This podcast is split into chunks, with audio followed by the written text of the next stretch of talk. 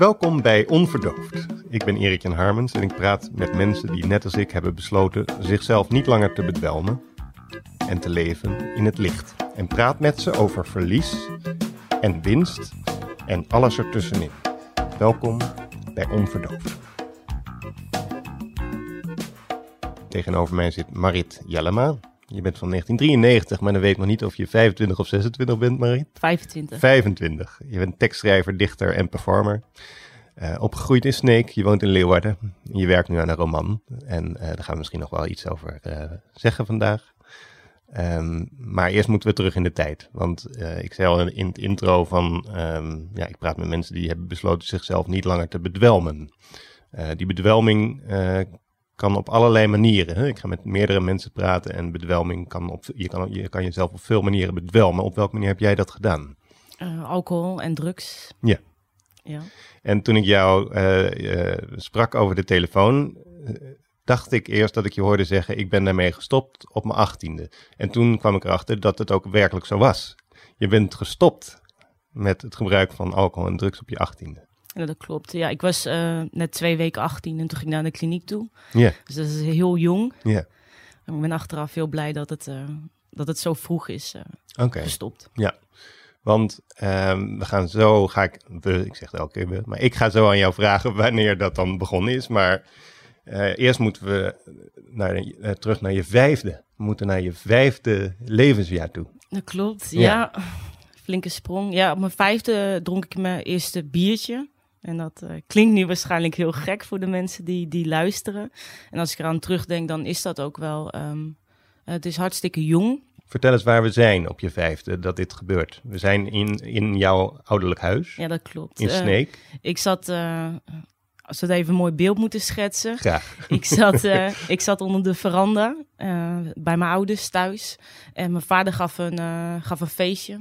Hij was 25 jaar bij de bank en uh, al mijn broers en zussen waren weg. Dus ik was alleen en ik, uh, ik verveelde me een beetje. En hoeveel broers en zussen heb je? Ik heb twee broers en twee zussen. Oké. Okay. Ja. En jij bent de jongste? Ik ben de jongste. Okay. Ja. ja. 25 jaar bij de bank, groot 25 feest. jaar bij de bank. Collega's. Ja, ja dat klopt. Collega's, uh, muziek, drank, eten. En de mensen waren heel vrolijk. En ik speelde in mijn eentje onder de veranda met slakken. Met slakken? uh, vertel over het spelletje dat je met die slakken deed. Of ja, is dat, dat iets heel sadistisch? Nee, nee, nee, okay. nee, nee, Dat was me, nou, misschien een klein beetje wel. Dat was uh, mijn favoriete hobby vroeger. Dan speelde ik onder de veranda en... Um, dan, dan was ik helemaal in mijn eigen wereld. En dat had ik met lezen, had ik ook. Uh, lezen en, en schrijven. Maar onder die veranda kon ik uh, mijn ouders zien, maar was ik wel in mijn eigen wereld. Dus dat was een heel veilig gevoel. En ik speelde altijd met die slakken, dan liet ik ze wedstrijdjes racen. dus dan pikte ik twee slakken eruit en die had ik een wedstrijdbaan had ik dan. En dan, uh, en dan, dan sloeg ik ze met een takje, net zoals ze bij paarden doen, zodat ze sneller gingen. Want ik had altijd van tevoren een favoriete slak en die moest dan winnen. Hm. En dat was ik die dag ook aan het doen.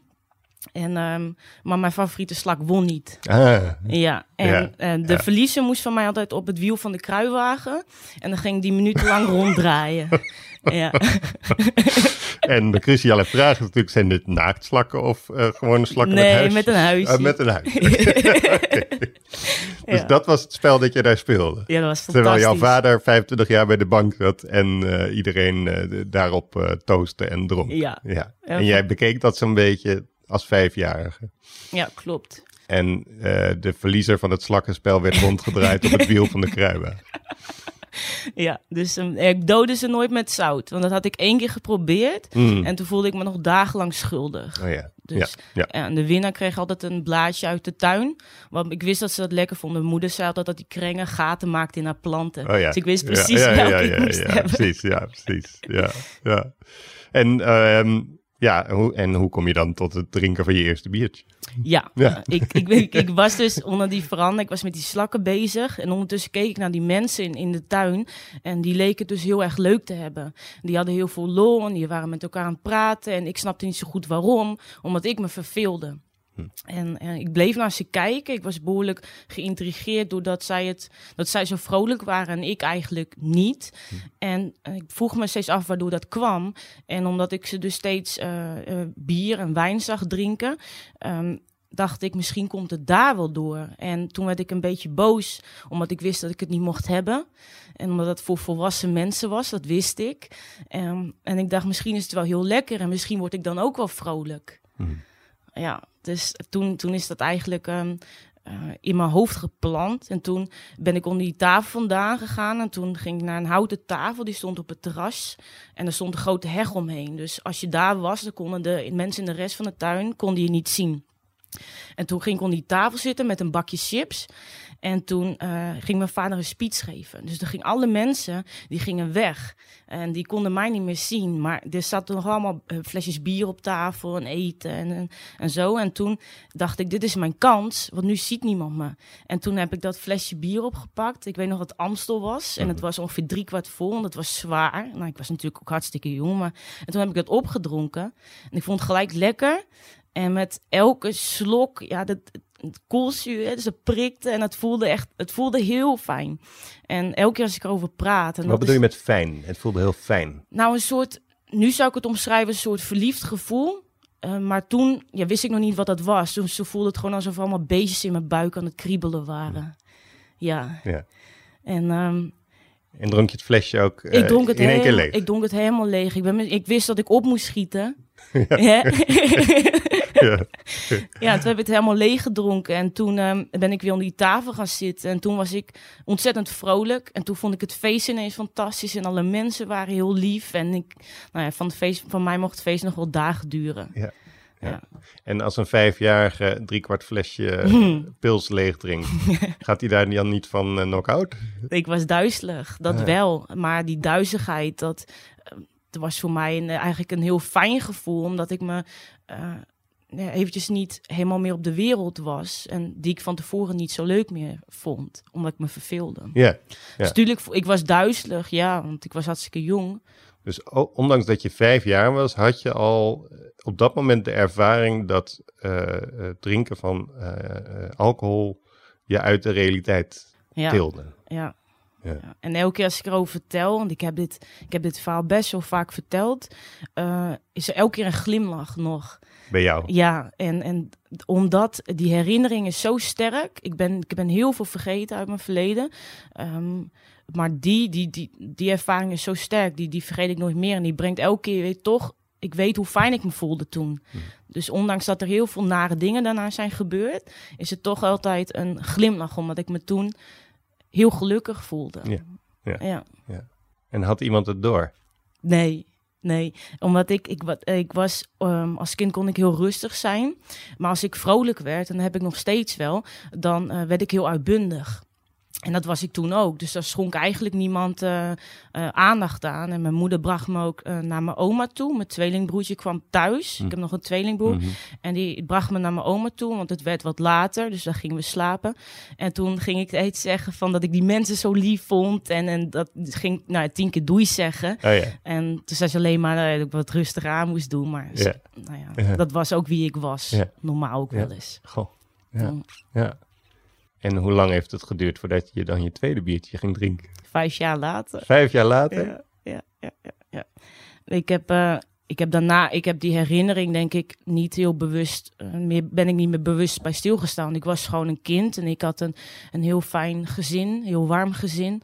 Uh, hele fijne vriendjes en vriendinnetjes. Ik had het wel vaak lastig op school omdat ik was nogal vervelend. Hmm. en ik wilde eigenlijk alleen maar lezen en, en schrijven en gimmen. Um, en sommige leraren begrepen mijn humor niet echt. Mm, dus mm. dan, dan werd het wel eens. Dan werd het wel maar was je opstandig? Ik was wel zo opstandig, ja. En Mm. niet per se om. Uh, ver- niet per se vervelend zijn om het vervelend zijn. Maar ik snapte soms ook daadwerkelijk uh, niet waarom we daar zaten. En ik wilde avonturen beleven en, en dat opschrijven. En dat vond ik wel eens lastig. Dus ik zat heel vaak bij de directeur. Oh ja. Ja. Ja. ja. ja. En je zegt vijf jaar later. Wat was het moment dat je, eh, dat je opnieuw eh, drank dronk? Ja, nou dat is best wel een, een, heftig iets, want ik was ehm, toen tien. Ehm, ik eh, voelde me, ehm, negen, ik denk dat acht. Ik voelde me altijd als, als kind al, hoewel ik genoeg vriendjes en vriendinnetjes had, ik voelde me ehm, anders dan andere mensen. En ik voelde zeg maar alsof ik op de maan zat en alle mensen op, op aarde waren. Ik, ik voelde me een soort alien, maar dat liet ik nooit merken. Maar ik, ik dacht, er is iets met mij. Ik ben anders. Ik, ehm, Maar waar baseerde je dat, dat op? ja, er was een heel diep gevoel van. Ik kan het ook niet uitleggen. Ik weet alleen dat ik me zo voelde. En op zo'n jonge leeftijd al? ja, heel jong. En ehm, het- er was geen aanleiding voor. En dat vind ik tegelijkertijd ook wel een mooi iets, omdat het dan niet. Het, is, het zat in mij. Dus er was geen nare omstandigheid of zo.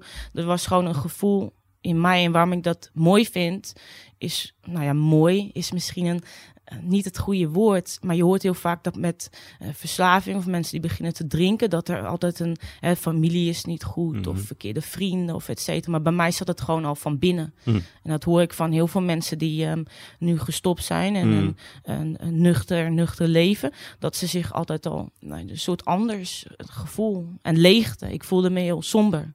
Ja, Ja. maar dat anders moet je, eh, zou ik heel graag nog heel even op tafel willen leggen. Want betekent dat dat je als je met... Want je bent dan gewoon... We hebben het nu over dat je tien bent. Mm, 8, 19. 8, 19, ja, precies. En eh, bedoel, was het dan dat je bij het spelen of zo merkte van... Ik, eh, dat je bijvoorbeeld opeens een stemmingswisseling had, ik noem maar wat? Nee, dat niet. Ik, ik, speelde gewoon, ik speelde gewoon mee. Alleen het punt is dat ik ehm, in, in twee... Ik leefde eigenlijk feitelijk in, in twee werelden. Soms speelde ik gewoon mee en dan was er eigenlijk was er niets aan de hand. Nee. En dan was ik vrolijk en was ik gewoon een kind zoals een kind zou moeten zijn. Maar was ik alleen, dan, dan trok ik me terug en dan ging ik eh verhaaltjes schrijven en lezen. En dan wilde ik eigenlijk ook niemand meer om, me om me Hmm. heen hebben. Mhm. En anderen zagen daar natuurlijk geen, geen kwaad in. Op zich was het ook niet zo hoor, want dat was voor mij gewoon een, een fijn gevoel. Maar dan voelde ik me gewoon heel somber op die moment. En Ja. echt goed uitleggen kan ik dat, kan Nee, ik dat niet. Want die somberheid kwam niet echt ergens vandaan, die was er gewoon. Nou, die was er gewoon. Ik, ik snapte denk ik niet altijd waarom mensen dingen deden, waarom ze deden. Of dingen zeiden, waarom ze eh, dingen zeiden. Ja. En eh, dat, daar kon ik niet altijd mee meekomen. Nee, Ik denk dat dat het meer was. Ja. Maar ja, als je zo jong bent, weet je ook niet precies. nee Wat er aan de hand Nee, is. niet. En hoe kwam je er toen op om opnieuw alcohol te gaan gebruiken? Nou, ik ehm, voelde me al een tijdje heel erg, heel erg somber. Ik eh, schreef gedichtjes en ehm, ik schreef ook over dat ik op een gegeven moment voelde ik me zo somber en ik zo nogmaals, er was geen aanleiding Mm. voor, maar ik voelde me op een of andere manier voelde ik me ontzettende lastpak. Dus ik, ik dacht, als ik er niet meer ben, dan is iedereen vast gelukkiger. Ik voelde me zo anders dat ik dacht dat ik mensen tegenhield in hun vrolijkheid. Had iemand daar ooit iets van laten merken, dat je een Nee. lastpak was? Nee, ja, nou ja, op school, maar ja, dat was ook wel logisch. Maar verder niet. Nee. Ik, ik wist, ik voelde alleen in mijn hoofd dat ik, nou ja, dat op een manier dat ik niet hoorde te zijn op, op deze wereld Mhm. niet. Mhm. En ik voelde me zo somber dat ik ehm, echt opschreef, als ik dood ben, dan is het beter voor iedereen. Hm. Op je tiende. Op mijn tiende. Ja, Ja. ja. ik heb dat wel teruggelezen en dat doet best wel wat. Ja. Omdat je dan nou, dat meisje van toen ziet zitten. Hm. En nou, dat is best wel triest Ja. natuurlijk. En had je op je tiende ook een idee van wat dat was, dood zijn? Ja, dat het kwam. Dat eigenlijk is de aanleiding voor mijn drinken geweest, is het, het overlijden van mijn, van mijn oma. Mhm. Ehm, de ene trigger was natuurlijk dat ik me al heel rot voelde. En dat ik eigenlijk dacht van, nou ja, ik, ik moet hier niet meer zijn. En dan voel ik, nou ja, dan is alles weg. En toen overleed mijn eh, oma. En ik had een hele goede band met mijn oma. En ik was mm, ook altijd al heel ehm, bezig met anderen. Bij mij is het altijd anderen komen eerst en, en, en dan kom ik. En dat Mm. was als kind ook zo. Mm. En mijn oma was heel mager. En, en haar man is heel jong. en mijn opa is heel jong overleden. Mijn moeder was negen, dus ze is heel lang alleen geweest. En ik, ik had altijd, ik, ik vond dat wat zielig. Mm. En ik vond dat ze ook bijvoorbeeld meer moest eten. En dan ging ik lunch voor haar maken. En dan ging ik naar haar toe met een stereo. En dan, Want ze eh, woonden vlak bij jullie. Ja, ik fietste er meestal Ja, heen. Dus tien minuten Ja, fietsen, kwartier. En dan eh, zei- dacht ik, als ik die stereo aanzet en ga dansen bijvoorbeeld, dan, dan wordt ze weer vrolijk. Mhm. En als ik eten voor haar maak, dan, dan eh, komt ze misschien wat aan. Ja. Dan is het mijn taak om haar gelukkig en gezond te maken. Mhm. En, en nou ja, daar was ik mee bezig. En toen ze doodging, ehm voelde het alsof ik niet genoeg had gedaan. Mhm. Eh, maar ook, ik begreep er niks van. Want ineens was ze er niet meer. En Ja. ehm, ineens kon ik niet meer met haar praten. Want ik weet dat ze in, daarvoor in coma lag. En toen had Mhm. mijn moeder gezegd, eh, misschien wordt ze niet meer wakker. En daar begreep ik niks van. Mhm. Want ik dacht, hoe kan ze nou niet wakker worden? Mhm. Maar op een dag werd ze niet meer wakker. En eh, dat heeft me zo'n klap gegeven. Ehm, Had je het idee dat dat jouw schuld was? nee, niet dat ze dood ging. Alleen, eh, ik denk het verdriet, omdat ik zo'n sterke band met haar voelde. En, en, en ze was ineens weg. En dat begreep ik. Ik was zo jong, ik begreep daar niks van. Nee. Ik begreep er niks van dat ik nooit meer naar haar toe kon fietsen. En dat ik er, ja, en dat ik er niet meer vrolijk. ja, Ik vroeg me af of dat gelukt was, denk ik. Ja. Ja, En je zegt ook, ik ben heel erg benieuwd naar wat voor dansje je deed voor je oma. oh, daar heb ik geen. Ik denk dat ik K3 aanzette. Oh ja. Vond ze dat leuk als je dat deed? Ja. Ja. Mijn oma zei nooit heel veel en ze, dus ze hebben niet meegedanst. Hmm. Alleen ze was altijd, ze zat altijd in de stoel en dan glimlacht ze altijd. Dus ik zag wel dat ze blij was dat ik er, dat ik er was. Ja. Maar wat voor dansje, dat weet ik Nee, niet. oké. meer. Oké. Nee. Nee. En toen was ze niet meer. En toen kwam er leegte. Ja, toen, toen werd het verdriet eigenlijk het verdriet dat ik al had. Dus die somberheid die al in mij zat. Ik, ehm, nou ja, dat was eigenlijk de, de druppel, zoals ze dan zeggen. Ja. Dat ik ehm, een soort, nou ja, dat ik toen echt niet meer wist wat ik met het verdriet heen moest. Want ik, ik, ik wilde er al niet meer zijn. En toen ging Moma ook dood. Hmm. En waar ik gewoon niks van begreep. En ik praatte er ook niet over. Want ik, ik deed altijd heel stoer. Ik, ik had geen gevoelens, zogenaamd. En dat had ik op school ook. En daardoor konden ze waarschijnlijk niet zo goed met me omgaan. Omdat ik nooit echt mezelf was daar. Dus niet eigenlijk het lieve meisje dat ik was. Het lijkt een soort besluit dat je zegt van ik had geen gevoelens. Of ik Ja. kwam, of ik ben van de maan. Of, Ja. eh, het zijn echt van die uitspraken die Ja. redelijk eh, eh, ehm, standvastig klinken. Snap je wat ik bedoel? Dat zijn van, dus je oma is dood en bedoel, je mag dan op dat moment ook gewoon breken. Als, zeker als, eh, als, als je tien bent. Of, Ja. Dat heb ik toen ook wel toen ik het je mag hoorde. instorten. Ja. Ik heb, ik heb gehuild. Ik heb heel hard gehuild toen ze, toen ze overleed. En op de begrafenis ook. Alleen op een gegeven moment eh, lijkt het alsof mensen het vergeten. En eh, mijn ouders die hebben, die wilden mij natuurlijk beschermen. Dus zij hebben niet in mijn bijzijn, heb ik hen eh, echt zien huilen. Wel, wel toen over, op begrafenis. Dus toen dacht ik, zo jong natuurlijk, van oh, iedereen gaat nu verder. En ik lijk de enige met verdriet. Dus toen besloot ik dat ik dat dan alleen in mijn eentje mocht laten zien en hebben. Hm. En eh, mijn gevoelens vond ik altijd moeilijk om mee om te gaan. Ja. En er is een soort ehm, mythe rond tweelingen, dat die dan alles met elkaar delen. Je vertelt, ik, ik, ik heb een tweelingbroer, maar het was dus niet zo dat je daar dat dan mee deelde, met hem. Nee, Nee. nou, eigenlijk met niemand. Nee, daarom. Nee, nee, Nee. nee. Toen is het begonnen, ja. Hoe is het begonnen toen? Op een dag toen, het- ik dronk niet, ik ging niet gelijk een dag naar die begrafenis. En, eh, maar ik, ik liep daar maar mee rond. En ik dacht, ja, op een gegeven moment dacht ik echt dat ik. eh, ja, dat ik. Het klinkt nu wat overdreven, maar ik denk dat het zo echt is geweest. Dus ik eigenlijk een beetje gek zou worden. Van, van, nou ja, van, ik wist niet waar ik ermee heen moest. En toen, toen was ik thuis en toen ineens dacht ik aan toen ik vijf was en dat biertje dronk. En toen dacht ik, maar misschien gaat dat me wel helpen. Want toen was ik ook gelukkig, toch? En toen ehm, ging mijn moeder boodschappen doen. En toen zei ik van, nou, ik, ik ga naar buiten, ik ga buiten spelen. En toen heb ik wat vriendjes genoemd waarschijnlijk. En toen, toen ging zij weg. En toen ehm, heb ik eh, twee biertjes gepakt uit het krat eh, die in de garage stond. En in een boodschappenjas gedaan met een bieropener en een rol pepermunt. Want ik wist dat, dat mensen dat niet mochten ruiken. En toen ben ik eh, op mijn fietsje ben ik naar het einde van de straat gegaan.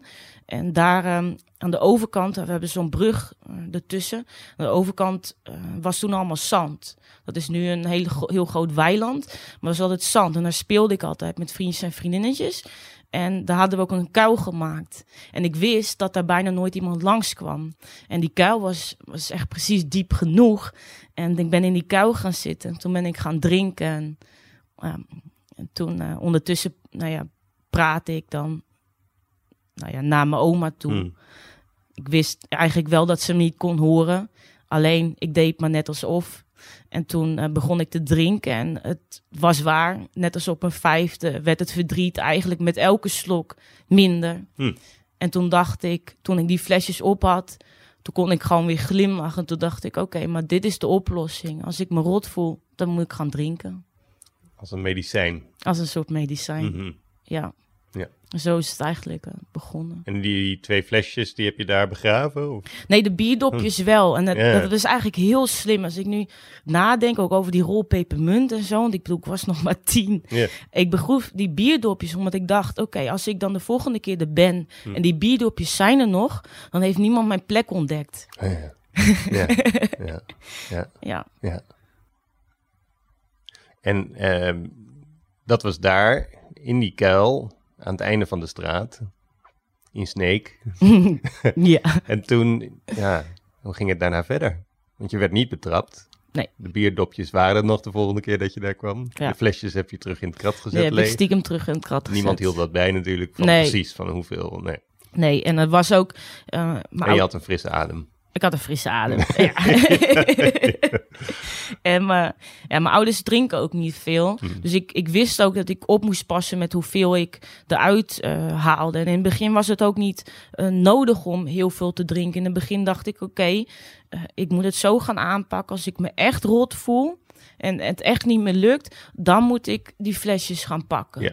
En in de tussentijd En hoe vaak was dat dan? Ik, ik weet het niet meer. Ik weet heel, ik weet eigenlijk vrij weinig nog. Ja. Ehm, ik weet alleen dat het niet, niet eh, heel frequent was in het begin. Ik weet dat ik het eerst probeerde te rooien met, met het schrijven. Dat heeft me altijd heel erg geholpen. En, en lezen. En eh, of ik ging sporten.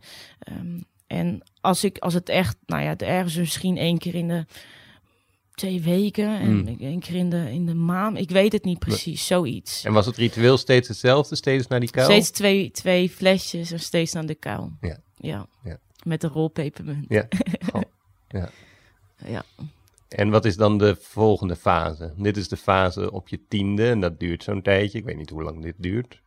Ik denk dat het een, eh, tot de eerste klas van de middelbare school heeft geduurd. Dus dan ben je een jaar of dertien. Ja, 12, 13. Ja. En toen werd het wat frequenter. En toen kreeg ik ook vrienden. En één, één vriend die leek wat ouder. Of een stuk ouder Mm. eigenlijk. Op zijn twaalfde leek die al 18. Mhm. Dus die kon af en toe gewoon drank meekrijgen in de supermarkt. Want toen mocht je nog vanaf je zestiende halen natuurlijk. Ja. En, ehm, maar die dronk ook heel anders dan ik. ik. Ik verbaasde me altijd over dat zij zeg maar... oh, het is gezellig, we gaan een drankje doen. En ik dacht, je drinkt als je je rot voelt. Ik, ik, ik linkte dat niet aan gezelligheid. Ik linkte dat gewoon als een, een medicijn. Als ik dat doe, dan voel ik me goed. En dat zij vrolijk waren, dat vond ik hartstikke mooi. En ik voelde me gewoon oké. Weet je, ik voelde me gewoon fijn als ik had gedronken. En toen werd het wel meer van mijn 12, 13e, want toen kon ik ook naar de avondwinkel. En in die avondwinkel, ehm, dan, die man lette daar helemaal niet op. Hm. En die, die zei ik gewoon, eh Brises was in die tijd, nou, ja, ja. Brises. Ja. En toen, eh, nou, dan ging ik dat, ging ik op mijn fiets naar de stad toe. En dan ehm, kocht ik maar twee, drie flesjes. En dan dronk ik dat in een steegje op. En dan eh, nou, was ik weer blij. Zei ik gewoon dat ik een rondje ging fietsen of zo. Precies. Ja. Goh. Ja. Ja. Ja. Dus vanaf toen werd dat meer. Mhm. Maar dat is natuurlijk toen ik zelf. En toen werd het, ja, ik denk, toen werd het wel een paar keer, paar keer per week. En ehm de vijftiende, zestiende is het vrijwel dagelijks eh, begonnen. Ja. Ja. En wanneer kwamen daar drugs bij? Eh, ongeveer 16. Ja. En dat was eerst wiet. Ja. En eh, toen ik net, ik denk net 17 was, toen, toen kwamen de harddrugs bij. Ja. En gegeven het feit dat je eh, even eerder al aangaf dat je op je achttiende stopte, moet het toen op een gegeven moment heel snel zijn gegaan. Toen is het heel snel Toch? gegaan. Ja. Toen is het heel Ja. snel gegaan. Ja, maar dus op we me- sch- ja. schetsen nu de, je leeftijdsjaren 17 en 18. Dat is nu de fase waar we naartoe gaan in het gesprek. Ja. Ja, toen was, het, toen was het heel heftig. Maar ik had daarvoor ook een heel heftig... ehm, een heel heftige jaren natuurlijk al achter de rug. Maar toen ik 16 was... eh, toen, toen was het echt gesloest. Toen kwam ik in, in bed te liggen. Maar lichaam was eigenlijk... Maar wat bedoel je met heftige jaren? Wat, Ja, nee, het, verdriet waar ik met niemand over... Ik, ik was nog steeds heel somber. Eigenlijk wilde ik al die maar nog tijd steeds nog over de steeds... dood van je oma? Nee, dat Oké. was, ja, tuurlijk. daar, daar was ik Mhm. nog steeds niet overheen. Nee. Eh, maar het, ehm, ja, er, er zijn veel meer dingen gebeurd. Want dan wordt het, een, een, dan wordt het heel lang. Meer mensen verloren. Oké, En- je mag het gewoon samenvatten hoor. Je hoeft er niet, je hoeft voor mij niet alles nu te spuien, zeg maar. Maar er zijn gewoon mensen overleden. Ja, maar Ja. dichtbij. En, en sommigen ook heel jong, te jong. Ehm, en wa- wat ik ontzettend oneerlijk vond. Ja. En, eh, Dat gevoel ook van oneerlijk. oneerlijkheid. Ja, ja. Ja. Zeker als iemand eh, zo jong was. En jouw strategie bleef om dat niet te bespreken met anderen. Ik besprak eigenlijk nooit iets, nee. Nee. Nee. Dat, ehm, ik, ik wist ook niet... Ik, ik kan eigenlijk dingen heel goed verwoorden. Mhm. Ehm, maar toen, eh, ik deed het niet. Ik was denk ik ook bang om, om dingen te vertellen, omdat ik, ik, ik had altijd zo'n ding, ik ben, ik ben anders. En dat zat er nog steeds in. En ik denk, oh, ik heb allemaal vrienden en vriendinnen en die vinden me nu hartstikke leuk. Want ik was ook wel echt de gangmaker. hè. Ik was altijd in voor avontuur, ik sleepte, i- ik maakte met iedereen praatjes. Maar als ik denk, als ik ze ga vertellen over hoe ik me echt voel, dan gaan ze misschien wel bij me weg. En eh, ik, moet niet, ik moet niet iemand tot last gaan zijn. Mhm. En ik, ik vond ook dat als je eh, gevoelens, ja, ik, ik wist niet zo goed wat ik daarmee moest. Stel dat het echt zo eh, was dat je van de maan kwam Ja. en hier gedropt was, zou je dat geruststellen? ik zou wel een beetje snappen hoe alles zo gekomen is. Ja. dan. Ja. Dan kon je gewoon tegen mensen zeggen, ik kom immers van, de maan. Ja, dat heb ik wel gezegd hoor. Ja, Ja, ik zeg ik ben van de maan. ja, ja. Waar kom je vandaan? Hè? Van de maan. Ja, precies. Ja. Ja. Dat gevoel van onrecht, dat is eigenlijk natuurlijk een hè, onrecht over dat mensen overlijden. En met name als ze op jonge leeftijd overlijden. Ehm, was je niet ook heel erg boos? Ik was heel boos, ja. Ehm, nou, zeker in een specifiek geval. Hmm. En de, het was de broer van mijn eh, toenmalige beste vriendin. Die, die kende ik sinds, nou ja, sinds haar eigen baby was, was ik daar bij haar thuis. En ik was heel vaak bij haar, bleef ook eten tussen de middag. Want ik krijg altijd ruzie met de overblijfmoeders op school. dus toen hebben ze maar besloten dat ik daar moest gaan eten. Maar ik was daar eigenlijk elke dag. En dat werd een, een tweede familie voor me. Ehm, en eh, haar broer werd ziek. Eh, op ons twaalf, in groep 8 hoorden we dat. Hij had kanker. En toen wij net 14 waren, toen is hij overleden en hij was 17. En hij voelde als een broer. En, ehm, Jullie waren 14, hij was 17. hij was Dus 17. ik voelde als een grote broer. Hij voelde als een grote broer. Ja, ik was daar zo lang al bij die bij mensen in huis. En het was, een, het was gewoon een tweede familie. En het was alsof ik, nou ja, een, zo'n broer kwijt was. Ja. En, maar vooral de oneerlijkheid dat iemand van 17 doodgaat. Ja. Ja. Dat, eh, dat, eh, dat heeft erin gehakt. En de oneerlijkheid en, en, en, de woede, ik bedoel, dacht je soms van, eh, ehm, als er een god is, dan... En zijn klootzak dan. bij- ja. hè, is dat, was dat de gedachte bijvoorbeeld?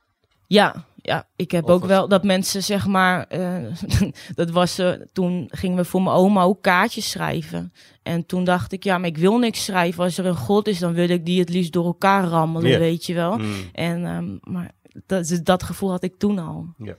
Ik dacht, ja, lekker dan eigenlijk.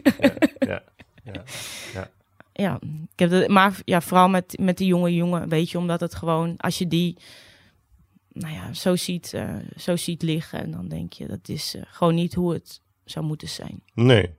En mijn eigen ervaring met mensen die aan eh, kanker overlijden is dat het zo... De mensen blijven zelf wel mooi, alleen de dood is zo lelijk, snap je? Ja, Zo lelijk. ja, Het is zo, ja. En dat maakt, dat maakt ook die woede, want je, ja, je kan natuurlijk geen kant ermee op, snap je? Je kan het alleen maar, er is geen medicijn voor namelijk. Dus je kan het alleen maar, eh, ja. En eh, ging alcohol dan niet werken en, en drugs ook werken als demping? Of, of versterkt het juist dat gevoel van onrecht? nee, dempen. Dempen. Ja, het heeft gelukkig gedempt. Ik, Gelukkig zeg je. gelukkig. Hoe bedoel je gelukkig? Nou, dan werkt het als medicijn. Ja.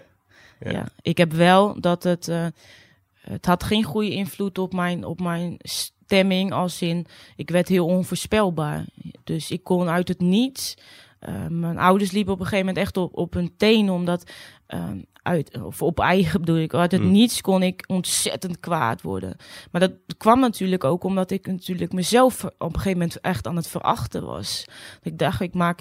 Ik, ik, ik maak alles kapot. Nu gaan we heel snel in de tijd. Mm. maar Ik maak alles kapot. Ik We stier, springen een beetje in de tijd, maar we dat geeft niet. in de Dat tijd. geeft niet. Ik, ik, ik We zijn nu denk ik weer iedereen. 17, of niet? Ja, 7 ongeveer, ja. Ik, ik, ik steel van mijn huis. Ik doe niks met mijn leven. Ik maak iedereen alleen maar verdrietig. Dus het was een, een gevoel van, ik, ik verachtte eigenlijk mezelf. En eh, dus als zij iets, ze konden maar iets zeiden, zijn als van, oh, eh, moet je niet iets anders aan? Of moet je niet zo weg? Je Mm. komt te laat. kon ik helemaal ontploffen. En dan Wat kon- gebeurde er dan? Ging je dan schreeuwen? ik ging schreeuwen en, en hen uitschelden. Dingen en gooien. vloeken. Dingen, ik heb dingen kapot gegooid, ja, servies. En Hmm. ehm, ehm, de deuren kapot getrapt. Ja. Eh, nou ja.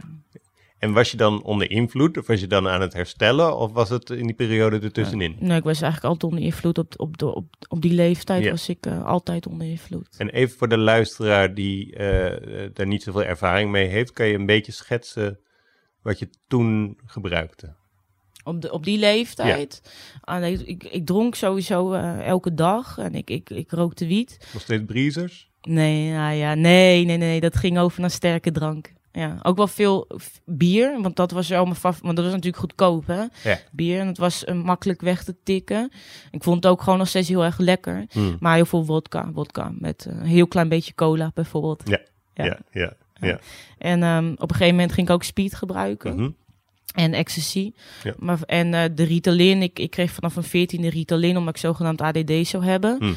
Ehm, Dat dacht men ja, na 20 minuten, een gesprek van 20 minuten. met een psycholoog of maatschappelijk Nee, werker. kinderarts. Ik Oh, werd ja. daar naartoe gestuurd door school, omdat ik toen, toen eigenlijk ook al niet meer te handelen Hmm. was. En ehm, het, is, het is ook een godzoen dat ze mij daar nooit eh, af hebben getrapt. Eh, Mhm. eh, maar ehm, Ja.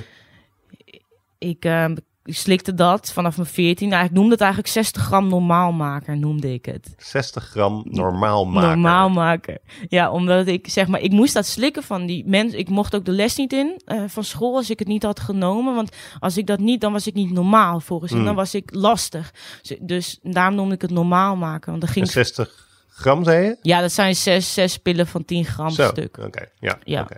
En Kan je uitleggen hoe jij dan was zonder Ritalin en met? Dat was niet heel veel verschil. Omdat. Ik merkte dat bijna niet. Ik denk ook omdat ik... Ik kon, me wat, ik, ik kon me wat beter concentreren. Dus mijn cijfers gingen wat omhoog. Want ik zakte eh, constant eh, van niveau. Omdat ik, ik was er nooit. Mm. En ik, nou, ik kon me niet focussen. Want ik had andere dingen aan mijn hoofd. Mm. En ik kon me wel wat beter concentreren. Maar dat kan bijna iedere Ritalin. Mm. iedereen die Ritalin gebruikt kan dat. Maar verder... Het voelde misschien als... Ik kon het niet goed uitleggen ook aan die, aan die psycholoog. Omdat ik kon niet eerlijk zeggen dat ik ook gebruikte om te dempen. Dus ik zei wel, het haalt de scherpe randjes ervan af. Maar ja, wat haalde de scherpe randjes er precies vanaf? Was het de drugs of de Ja. alcohol? Was het die medicijnen? Dat lijkt me sowieso, omdat je dan zoveel dingen gebruikt. Ja. Wat, wat heeft dan nog welk effect? Ja. Ja. Maar ook antidepressiva in de Ook tijd. nog, ja. Ook nog. Hebben ze me ook aangekregen. Ja. Ja. En als ik eventjes, eh, ehm, kijk, als ik bijvoorbeeld, ik ben la- veel later echt begonnen met, met veel gebruiken, zeg maar. Dus, maar dat maakt verder niet uit, hè. Maar laat ik zeg mezelf schetsen op mijn dertigste of zo. Hm. Dan had ik zo smiddags, eh, laten we zeggen op een donderdagmiddag, dus nog net geen weekend, smiddags een paar Belgische biertjes, een fles wijn bij het eten. En dan s'avonds heel veel afzakkertjes noemde ik het, snap je? Afzakkertjes, Dat is ja. Afzakkertjes, een oneindige reeks afzakkertjes. Ja. Dat waren cognacjes of ricaartjes of zo. Dat was een beetje mijn menu voor de donderdag, snap je? Ja, een menu dat- voor je. Ja. En dan had je in het weekend kon je wat meer nog. En dan door de week, op maandag of zo, deed het iets rustiger aan. Dus dan had je een paar biertjes en dan drie kwart fles wijn en dan wat minder afzakkertjes. Had jij dat ook? Had je een soort, soort als je op je 17 of op je 18e soort, soort minuutje? Nee, nee, maar ik denk ook, dat, dat is, ik functioneerde totaal niet meer. Het lijkt alsof jij er, no, jij functioneerde, het was ook niet, het was ook niet oké, maar het lijkt alsof je nog een soort plan had. Ik had een van- plan, ja. Ja, en dat ja. hoor ik ook vaker. En dat is het, dus ik had geen plan meer. Ik, ik, ik, Je nam gewoon. ik, ik nam als ik maar niks meer voelde, maar ik had ook niet echt meer het idee dat er een toekomst voor mij was. Dus heel erg vond ik het ook niet. Als ik maar niks voelde, het draaide alleen maar om, om drugs en om gebruik. En naar school ging ik niet meer. Ik was alleen maar bezig, hoe kom ik aan geld? Dus je ging niet naar school, je woonde nog wel thuis. Ik was, woonde wel thuis, maar ik was er bijna niet meer. Nee. Ik heel af en toe ging ik naar Waar school. was je dan? Op straat of bij mensen thuis die ook aan het gebruiken waren Ja. overdag. Ja. ja. Ja. Ik werkte af en toe ook wel, dan was ik daar. Um, Waar werkte je? Je hoeft niet uh, precies te zeggen, allemaal maar verschillende voor... baantjes. Allemaal verschillende baantjes, ja. Ik heb ook nog don donateurs gewerkt voor het astmafonds. Oké, Terwijl ik een joint in mijn hand had, ja, bijvoorbeeld. ja, ja, lekker los. ja. Ja, ja, ja. Maar dan sliep je bijvoorbeeld bij vrienden of zo. Of- Ja, af en toe, maar Ja. ik, ik was vaak, ik- op een gegeven moment was ik wel, ik kwam wel eens thuis slapen, alleen dan sliepen mijn ouders al. Hmm. En heel vaak dan zei ik ook, kom thuis eten, maar als ik, of ik was dat vergeten of ik wilde niet meer, dus dan Hmm. kwam ik thuis en stond dat bord stond nog vol op tafel. Ja. om mij te laten merken van je bent er Ja. weer niet eh, geweest. En had je op dat moment wel eens momen- eh, had je in die tijd wel eens momenten zoals op je vijfde onder de veranda met de slakken en het feest van je vader die 25 jaar bij de bank zat en jij die verrukking van dat driekwart flesje Amstel. Had je op dat moment nog wel eens had de alcohol of de drugs op dat moment nog wel eens dat effect? Nee, nooit meer. Nee. Ik, ehm, het, werkte slechts als een. Ik voelde me niet meer goed. Ik, ik heb me nooit echt meer vrolijk gevoeld. Ik was alleen oké. Dus ik, wist alleen maar: oké, ik moet dit nemen, want anders voel ik me echt heel slecht. En ehm, eh, dan functioneer ik gewoon totaal niet meer. Ehm, maar als ik het nam, dan was het gewoon. eh, het nam gewoon de scherpe randjes weg. Dus ik vergat bijvoorbeeld wat ik die dag ervoor had gedaan, want dat wilde ik meestal ook vergeten. En ik, ik, ja, ik keek niet meer naar de klok en ik, ja, ik weet niet, ik gebruikte en ik, als ik kon slapen, dan sliep ik. Soms bleef ik wakker en er was eigenlijk niks anders. En ik voelde me nooit vrolijk of goed. Ik was gewoon, ik bestond en daar hield het wel mee op. En wilde je wel bestaan? Ik was daar niet meer mee bezig. Ik was daar zelfs niet eens mee bezig. Nee. Ik dacht gewoon ook niet meer na. Nee. Nee, En lukt het om eh, niks te voelen? ik denk dat het aardig is gelukt. Ja. Ja, ik was ik comple eigenlijk compleet afgestompt, omdat de, ik zit nu ongeveer in het zeventiende jaar Ja. en ik had natuurlijk ook vrienden. Dan kwam ik soms wel eens thuis en dan was ik bijvoorbeeld een paar dagen niet thuis geweest. En dan zat ineens een vriendin, zat bij mijn moeder op de bank, want die, ze waar iedereen was bezorgd. En dan ging ze huilen, omdat ze mij zo miste. En ik snapte er niks van.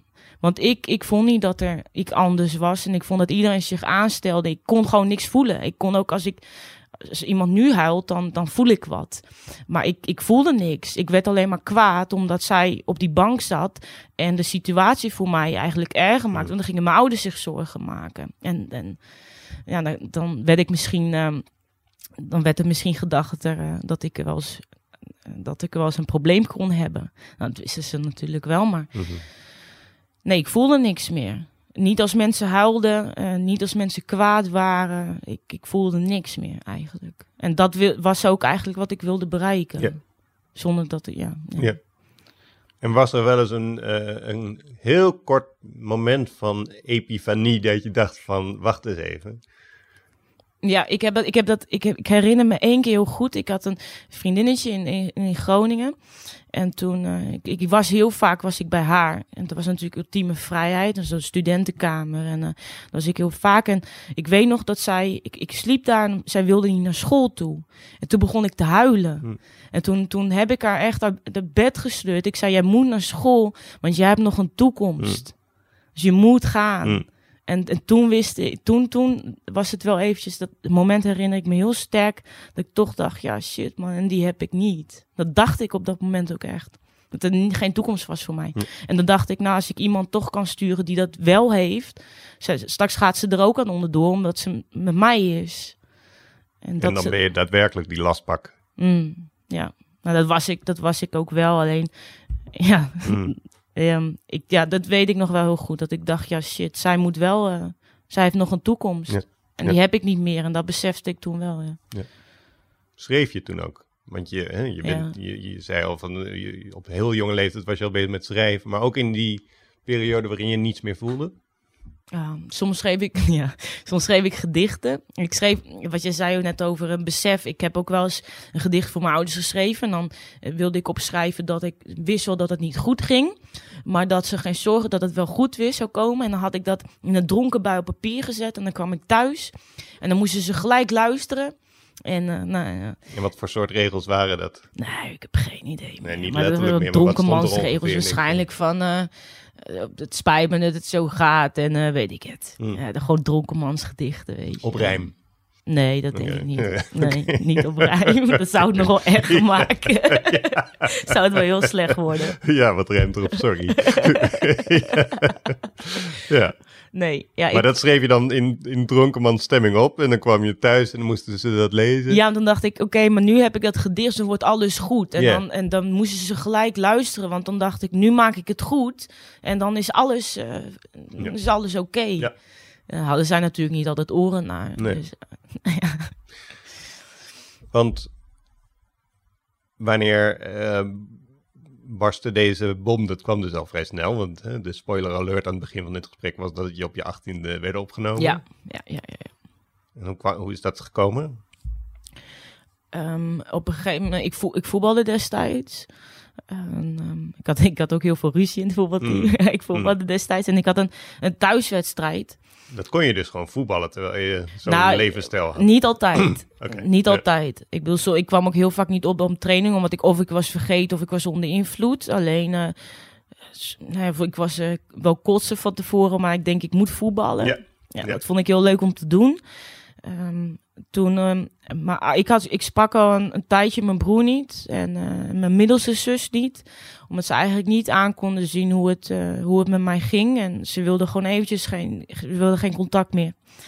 En ehm, toen zei mijn moeder, ben je vanavond thuis? Want er is spe iets speciaals. Sorry dat je ga onderbreken, maar je Ja. zegt van ze wilden geen contact meer, eh, want zij woonden dan, woonden jullie wel allemaal thuis? Nee, ik en mijn tweelingbroer wonen nog thuis. Ja. Eh, we zijn ook best wel nakomelingen. Oké. Dus Dus best die anderen zijn een stuk ouder. Die waren Ja, al dus die uit huis. al uit huis. Ja. Ja, die waren uit ja. huis. die wilden geen contact meer. Ja. En ehm, mijn moeder die vroeg dus of ik die avond thuis kon komen. Omdat ehm, er was iets speciaals. En eh, mijn broer en zus zouden komen. Iedereen zou komen eten. Hm. En toen eh, had ik gezegd, ja dat is goed, maar ik wil wel pasta eten. Had ik gezegd. Ja, en eh, ongelooflijk, maar goed. Hoezo ongelooflijk? Nou Je ja, mag toch van pasta houden? Ja, met pasta houden. Ja, maar het was ook echt van, ik wil dat eten. Het moet op tafel staan. Zo, zo ging dat in die Ja. tijd. En ehm, toen, toen ben ik weggegaan. En toen had ik gezegd, ik heb een uitwedstrijd. Maar ik, had, ik, ik speelde thuis. En toen zat ik in de kantine te drinken en te drinken en te drinken. Toen werd ik gebeld van, ja, waar blijf je? We zitten al lang aan tafel. En toen zei ik, ja, ik heb een uitwedstrijd en ik sta in de file. En ik was gewoon hartstikke laat. En ik wilde ook niet meer naar huis. Het kon me niks meer schelen. Maar op een gegeven moment zeiden toch die mensen... We zijn van, hé, hey, Marit, naar huis toe. En eh, het is mooi geweest. Mm. Toen ben ik uiteindelijk thuisgekomen. En toen kwam ik strompelend die woonkamer binnen. En toen ehm, ja, ging ik gelijk... Ik groette de mensen aan tafel niet. Die gingen alleen kijken wat, wat, wat, er, eh, wat we voor eten hadden. En toen was dat geen pasta. Toen was dat een overschotel. En dat lustte ik niet. Hm. En toen werd ik kwaad. En toen eh, heb ik het bord op de grond gegooid. Hm. En toen ben ik op de bank gaan zitten. En toen was ik kwaad. En ehm, toen is mijn zus eh, naar buiten gerend, huilend. En toen ging mijn moeder erachteraan. En ik vond dat het aanstellerij was. Dat ik dacht, wat is, ik heb toch niet, wat heb ik nou weer fout gedaan? Zo dacht ik toen oprecht.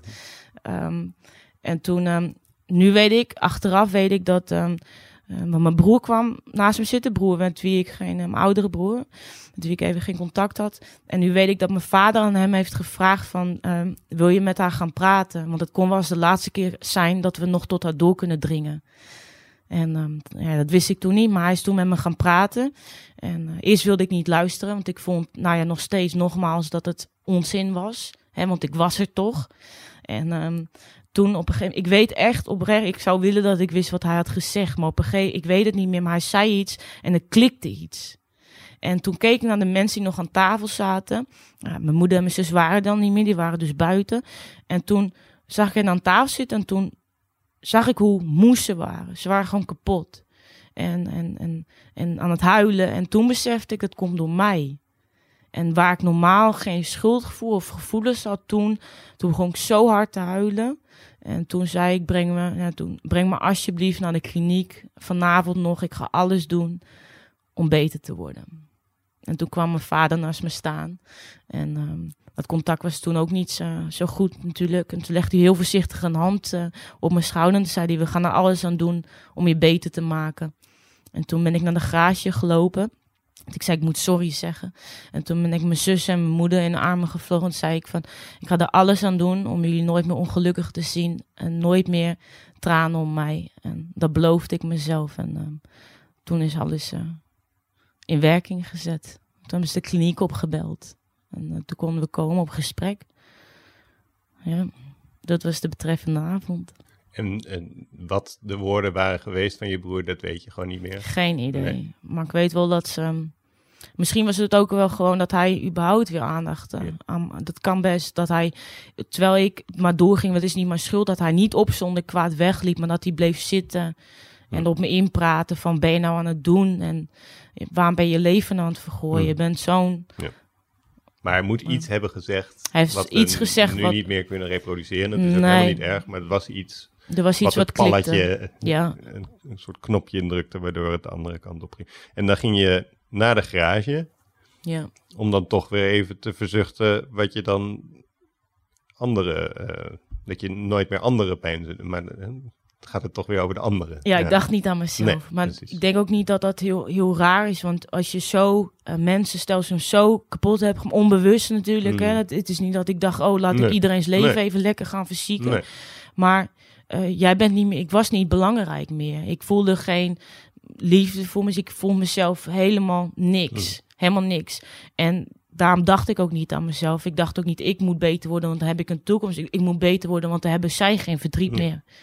En dat was eerst ook de insteek. Ja. Dat is nu wel veranderd, gelukkig. Maar Nee. dat, ja, het is niet zo gek, denk ik, na jarenlang eh, Hm. zo eh, naar met jezelf omgaan.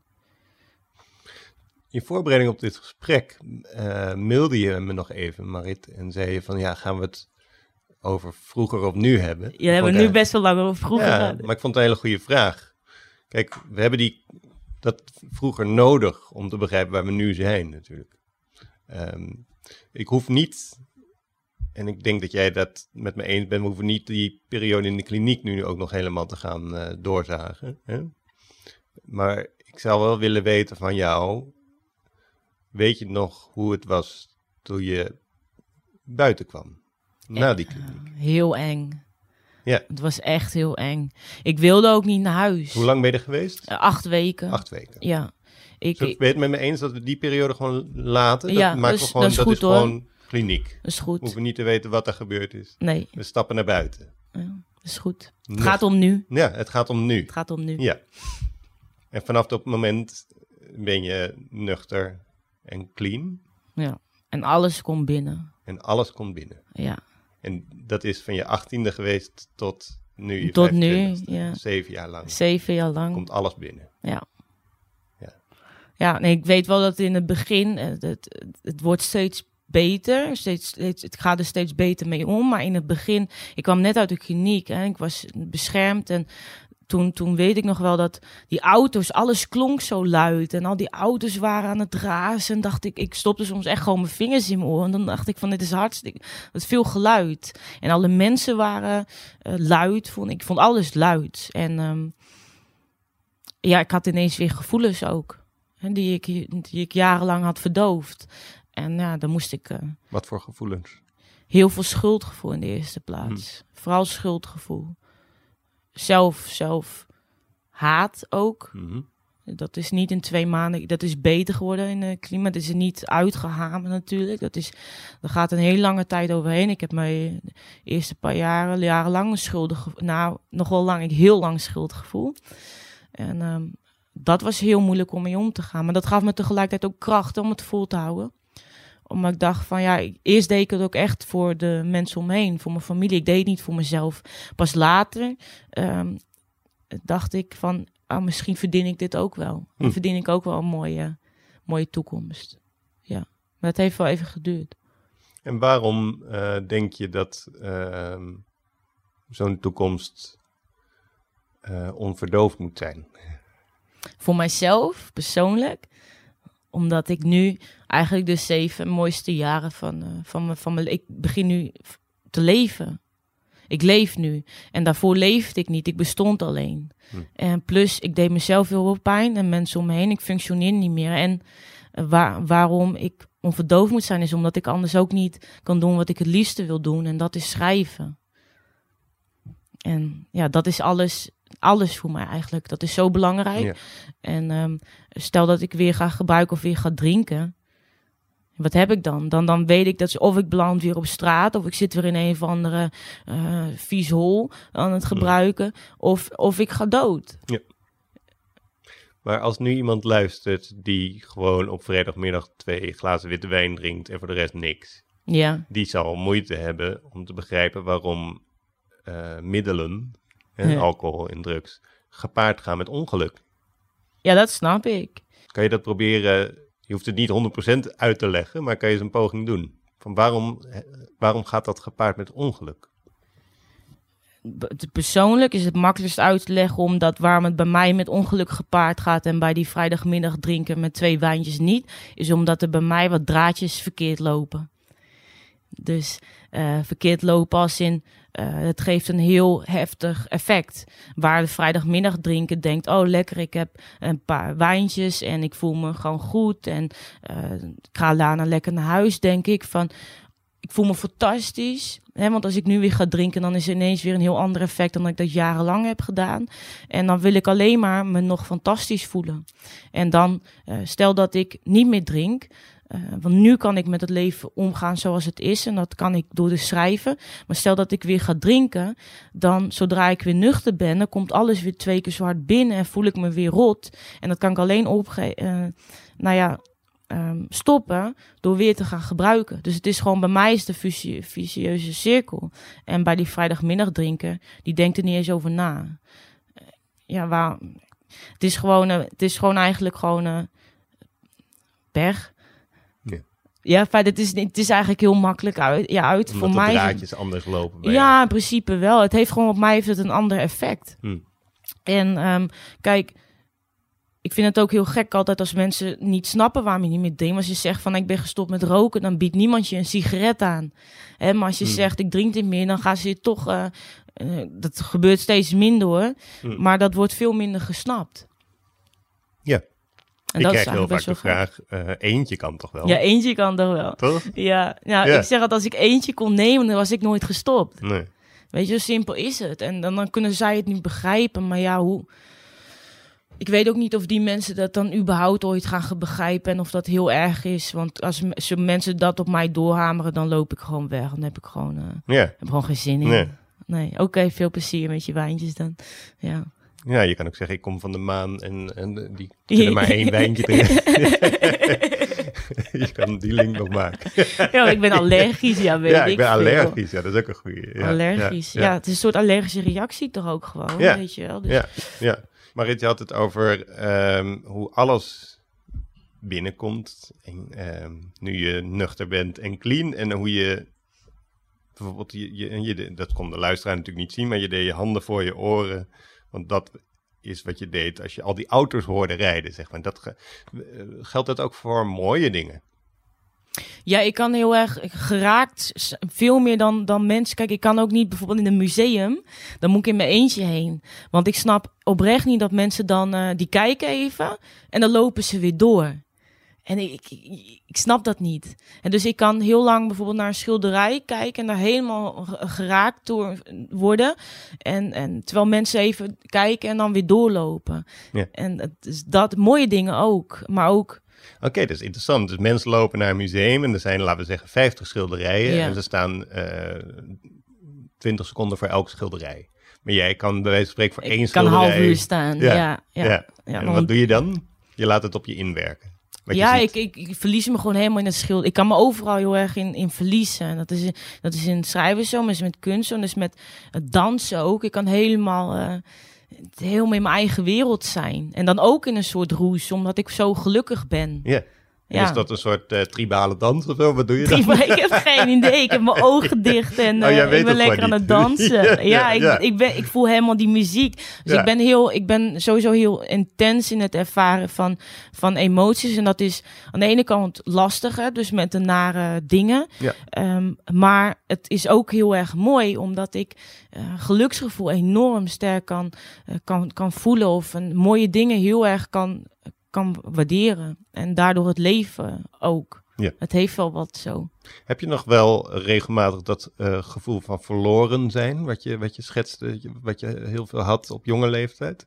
Ja, ja, ja. Dat het altijd een beetje verloren voelen. Maar nu zie ik het iets positiever. omdat ehm, ik mezelf een stuk leuker vind. En dan dacht ik, ja, dat kan wel zo zijn, maar misschien voel je dat alleen en is het misschien niet echt zo. Want je hebt genoeg mensen om je heen die je fijn vinden om hoe je bent. Hm. En ehm, anders schrijf je het op. Ik voel het nog wel hoor, maar dat is niet altijd meer negatief. Nee.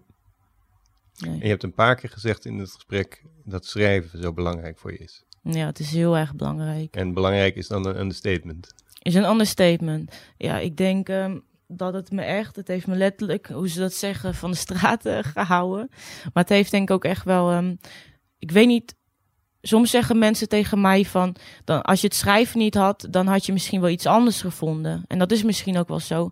Maar voor mij is het schrijven ehm, echt iets waardoor ik niet meer eh, die troep aanraak. Waarom ik niet meer wil drinken en waarom ik niet meer wil gebruiken. Dus zou mijn familie is een hele grote steun. Maar ik weet niet of dat genoeg zou zijn. Omdat ik me toch nog zo vaak het lastig heb met de wereld en met mezelf. En dat ik dat schrijven kan ik alles in kwijt. En daar heb ik ook, daar is een soort hoop. Hè? Want stel dat het boek waar ik nu aan werk, dat dat iets gaat worden. En eh, ja, dan, dat is de grootste droom die ik heb. Dus dat is iets waar ik me heel lang aan vast heb kunnen houden. Hm. En dat, dat, Wat is de grootste droom die je hebt? Dat het boek er komt? dat de boeken komt, ja, en dat mensen dat lezen. Ja. Vertel iets over het boek, want dat hebben we helemaal niet benoemd. Wat Het is het voor een boek? heftig boek. Het is een heftig boek. Het is een boek. roman. Het is een roman, ja, Ja. klopt. Je bent er nu mee aan de slag. Je bent het nu aan het maken. Ik ben, eh, ik ben klaar met schrijven, eh, maar ik ben aan het redigeren. Ja. En we zitten ver in het proces, maar daar, ja, het is lastig om daar nog iets over te zeggen. Ja, dat snap ik. Maar als je zegt het is een heftig boek. Het boek zelf, ja, daar kan ik wel over vertellen. Dat is de laatste acht dagen in het leven van een meisje van 17. Ze wilde niet meer zijn. eh, ze is ook verslaafd. Eh, Ellen heb ik haar genoemd. Mhm. En ze heeft ze opgesloten in de kamer van haar vriendin, van, van Robijn heet dat meisje.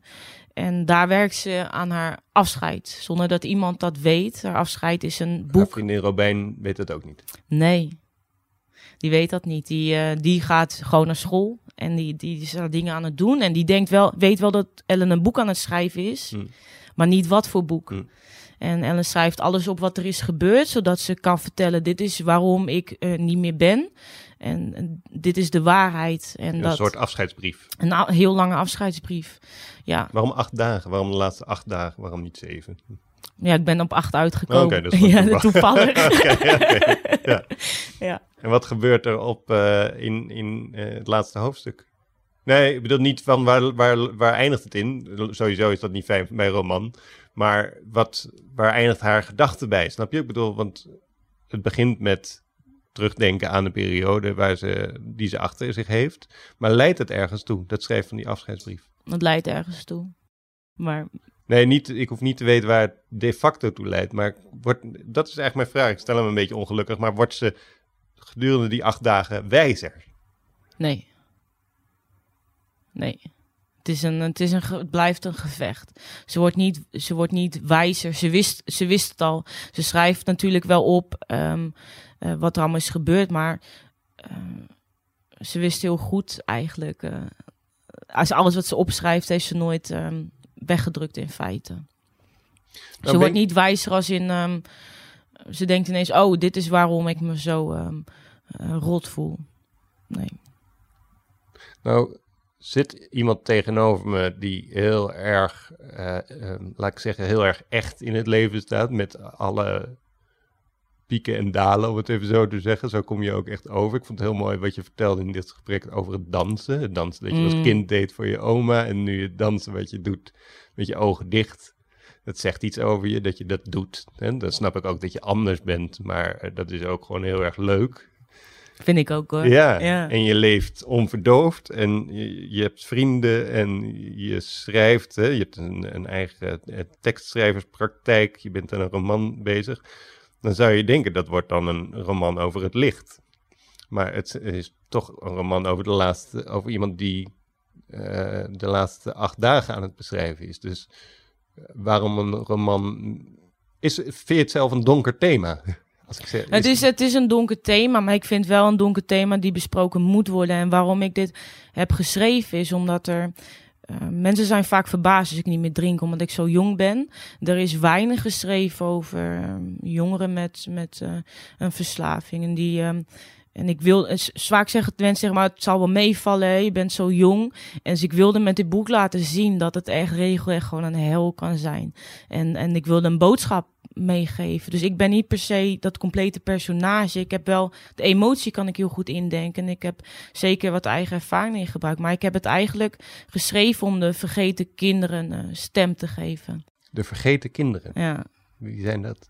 De mensen die het heel erg moeilijk hebben met zichzelf en die uh, op straat rondlopen of in hun kamertje alleen zitten en niet goed weten wat ze met de wereld en het leven aan moeten. Mm -hmm. En ik denk, die kan ik een stem geven en mezelf ook, want het is wel zo geweest.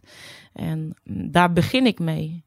Maar ik zeg niet dat er niet nog een roman komt hoe het is daarna. Nee. Er is heel veel leuks gebeurd, dus daar kan ik ook uh, over schrijven. En door die vergeten kinderen een stem te geven, wat jij als geen ander kan, want je was zelf zo'n vergeten kind, um, help je ze daarmee? Misschien enigszins, ja, dat zou wel heel optimistisch zijn. Maar als er heel veel mensen het boek gaan lezen, dan uh, kan het best zijn dat er meer begrip komt. Ik ben heel erg puur uh, aan het beschrijven. Je komt heel dicht bij de personage. Het is echt heel erg rauw. En um, ik denk wel dat het voor mensen die niet weten hoe het is om met een hoofd te leven, als bijvoorbeeld die van -hmm. mij, um, om enigszins meer begrip te kweken. Mm. Mijn ouders wisten bijvoorbeeld niks van verslaving. Hè? Die, die, ik, ik ook niet voordat ik in de kliniek kwam. Maar die snappen nu heel goed waarom ik uh, uh, de dingen doe die ik doe. Ik ga naar meetings toe. Ik um, heb vrienden niet meer gebruiken. Die meetings van de AA of zo? CA en A, ja. CA, wat is het? Mm, cocaïne en alle Oh, cocaïne Anonymous. Ja, Anonymous. ja, ja. En, ja, ja, okay, Narcotics ja. Anonymous. Ja. Ja, en uh, daar heb ik ook een nieuwe vrienden gekregen. En die zijn ontzettend trots. En die snappen waarom ik niet één drankje kan drinken. Maar, en die, die snappen ook een beetje alsof ik... Ik kan heel, nog steeds best wel heftig reageren, vrolijk of zo. Mm. En die, die weten dat nu. En als mensen, bijvoorbeeld ouders van andere kinderen... dat ook weten hoe het een beetje is... dat ze misschien ook op tijd kunnen ingrijpen. Ja. Heb je enig idee... Want je spreekt dus veel uh, mensen in die groepen ook. Nu spreek je mee. En uh, we hebben allemaal uh, een soort labeltje van verslaafd. En tegelijkertijd mm. weten jij en ik heel goed uh, dat dat echt alleen maar een labeltje is. En dat we gewoon hele mooie mensen zijn, maar met wat andere draadjes in ons hoofd. Ja, ja. ja. Maar heb jij enig inzicht in wat al die mensen die dus gebruiken en hebben gebruikt met elkaar gemeen hebben? Zeker eenzaamheid. Denk ik toch wel. Terwijl je niet eens eenzaam hoeft te zijn voor een buitenstaander met het gevoel van eenzaamheid. Dat heb ik ook nog steeds wel dus hoor. Terwijl ik heel veel lieve mensen om me echt ongelooflijk lief, die ik altijd kan bellen. En toch voel ik me wel eens eenzaam. Denk je, hoe kan dat nou, weet je? Maar goed, ik denk dat dat het is. Hmm. Ja. Ik denk het ook. Ja. ja. Dankjewel. Graag gedaan. Jij ook bedankt. Dit was aflevering 1 van Onverdoofd. Ik sprak met Marit Jellema. Dankjewel Marit voor je komst. En bedankt voor het luisteren naar deze podcast. Die je ook in uh, geschreven weergave kun, tot je kunt nemen. Dat kun je doen in de tijdbijlage van Trouw of op de website van Trouw. En wil je reageren? Dan kun je mailen naar tijdpost.trouw.nl. Dat is tijdpost.trouw.nl. En daar kan je ook naartoe mailen als je uh, Marit een bericht wil sturen. Dan sturen we dat naar tijdpost.trouw.nl. En abonneren op deze podcast kan via je favoriete podcast app.